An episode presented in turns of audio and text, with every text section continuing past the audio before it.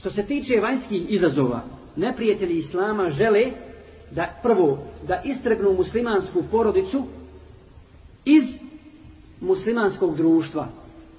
Dakle, da ona ne bude odgojena na islamu, da je, da je istregnu, istregnu iz tog sigurnog, sigurnog gnjezda. I akajski, i ahlakski, dakle da je udalje od aki, aki, akide tu porodicu, od ibadeta, od lijepog ponašanja i tako dalje. To je jedna stvar. Zatim, druga stvar, na koji način to postižu? Prije svega ubacivanjem sumnje u vjeru. Ubacivanjem sumnje u ispravnost islama, u vjerodostojnost Kur'ana, u njegovo božansko porijeklo. Zatim, ako se to desi, a u mnogome su, u mnogim stvar, u, u, u mnogome su uspjeli kod muslimana da ubace te sumnje, onda dolazi do utapanja. Utapanja u druge kulture, u druge civilizacije.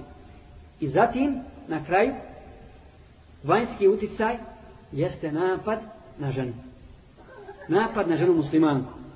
I na njenu, i na njenu ulogu i ono što joj je islam, što joj je islam dao. Na koji način ubacuju braća sumnju u Allahu vjeru? Prije svega, vidjet ćete danas kad čitate literaturu, posebno orientalista, onih koji rade protiv islama. Da ne govorimo, dakle, orientalista koji su muslimani, da ne govorimo o židovima i kršćanima, koji uporno pišu i govore, govore kako je Kur'an tada objavljen ljudima i, lju, i obraća se ljudima divljacima, ljudima iz pustinje. Mi danas živimo u atomskom dobu. Živimo u dobu interneta, mobitela, tehnike, naučnih dostignuća i tu Kur'an nema šta reći. Tu Kur'an nema šta, nema šta ponuditi. Na taj način su e, i na ovaj trik su nasjeli mnogi, mnogi muslimani. I vi ste, braćo, vallahi u velikoj blagodati. Svi mi, ali govorim dakle o našoj stvarnosti, naših porodica, naših muslimana na zapadu. I tako mi Allaha, zbog čega u blagodati? Zbog Islama, zbog upute Allahove.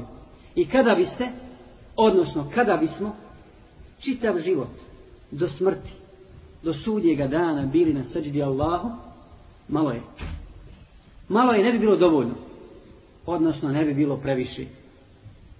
Zbog te blagodati koju mi imamo, imamo Allahu Kur'an, imamo Allahu rije, Allahu riječ Allahu objavu koju možemo da učimo i treba da, treba da slijedimo koja će nam donijeti hajr na oba dva, na oba dva svijeta.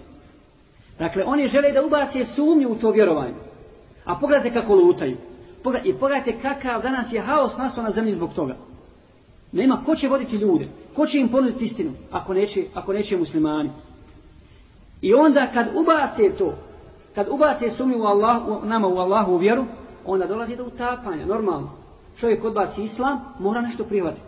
Mora prihvatiti nečiju civilizaciju, nečiju kulturu, odnosno nečiju vjeru, odnosno nevjeru. Kako kaže poslanik sa selem u hadisu kojega bilježi Buharija i Muslim od Ebu Sejda al-Hudrija, slijedit ćete one prije vas, šta? Pedalj po pedalj, stopu po stopu. Ili aršin po aršin. Sve dotle kada bi oni ušli u gušterovu rupu i vi bi za njima ušli. Pa su rekli, ja Rasulala, jesu to židovi kršćani? A poslanik se kaže, pa ko bi drugi bio? Ko bi drugi bio? A u drugoj predaji stoji da je rekao, da je rekao poslanik sve, kada, sve dotle ćete ih slijediti kada bi oni učinili zinalog sa svojom majkom i vi bi to učinili. I vi bi to učinili.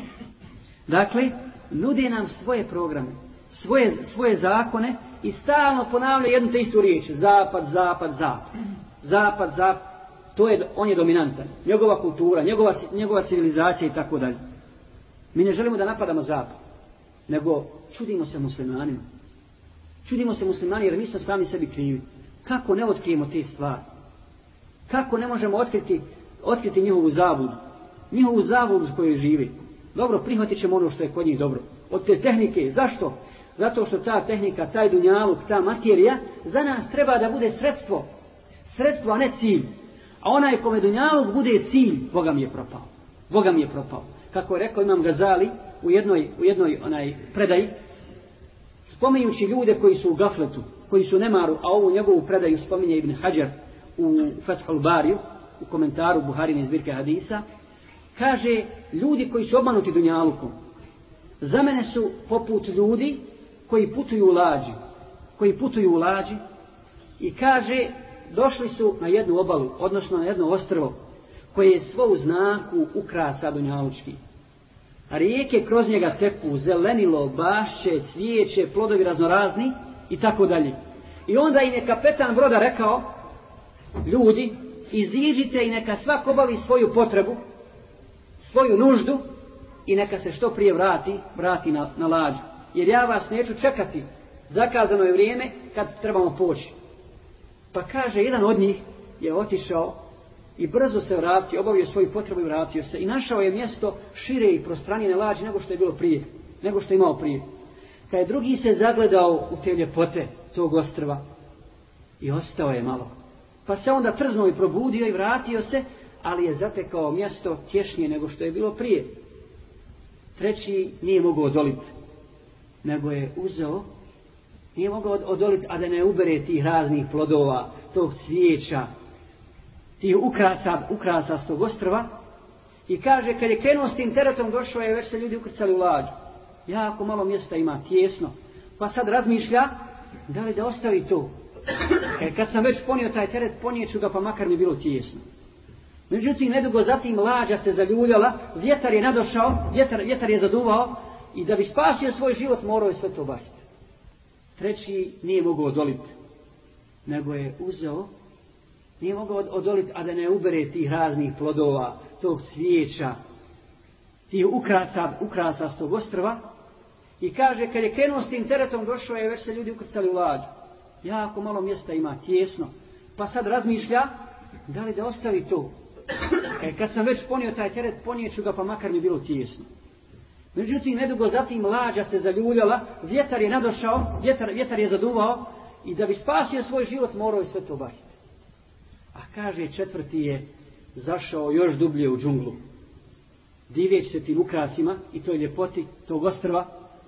I kad je čuo posljednju svirenu, posljednji poziv da se ide, onda je on zgrtao, zgrtao, koliko je god mogao ponije daleko više od ovog, od ovog prethodnog i kad je došao lađa je već bila otišla. I on je zajedno sa tim što je zgrtao skapao na toj obali, odnosno na tom ostrovu. I kaže, to je primjer tih ljudi koji su u gafletu.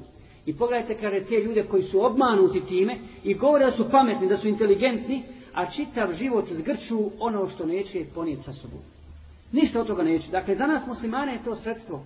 Sredstvo s kojim mi stižemo do cilja. Olakšavamo sebi život. Allah nam to dao. I mi to treba da, da, da eksploatišemo. Međutim, ne smije nam to biti, ne smije nam to biti nikada cilj.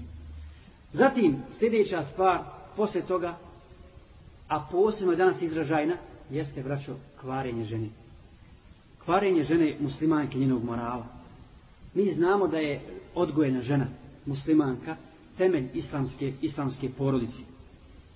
A oni su pokušali da pokvare ženu muslimanku i nažalost uspjeli kroz sumnje također, zatim kroz poziv u slobodu, oslobađanje žene, oslobađanje žene od raznih okova, od hijjaba, od islamskog života, od boravka, od boravka u kući, od odgajanja genera, muslimanskih generacija i tako dalje. A tako mi Allaha, žena muslimanka treba da zna da joj je islam podario slobodu. A da je kjafiri hoće učiniti robinjom. Ona je u islamu biser, biser skupocijeni u školjki skrivenoj. A oni hoće da je učine bezvrijednom robom. Bezvrijednom robom ili zalogajem, slatkim zalogajem za svakog psa i za, svakog, za svaku divlju zvijer kad naiđe da da ugrabi, da uzme i da pojede i da se življavaju s njom. Dakle, oni hoće to od žene. A Allah Đelešanu je podario ženi istinsku slobodu u islamu i istinski ponos. Wallahi, ona je majka. Kao majka ponosna. Kao supruga ponosna. I ima svoja prava i svoje obaveze. Kao kćerka i kao sestra. I ona, ona je ona koja čini pola društva. Po islamu. Žena čini pola društva, a kako veli jedan islamski učenjak lijepo i mudro, a drugu polovicu odgaja u svome krilu. Dakle, onaj muški, ona čini pola društva, a muški dio, odnosno drugu polovicu, odgaja u svome krilu. I šta ako nije odgojena? Znači, ona je glavni temelj. Ona je glavni temelj, ako se on sruši, ako se on sruši, onda zaboravi. Zaboravi na islamsko društvo, zaboravi na pravdu i zaboravi na red, na red, na zemlji. To su, braće, dakle, ti vanjski izazovi koji stoje pred islamskom, odnosno muslimanskom porodicom i muslimanskim društvom.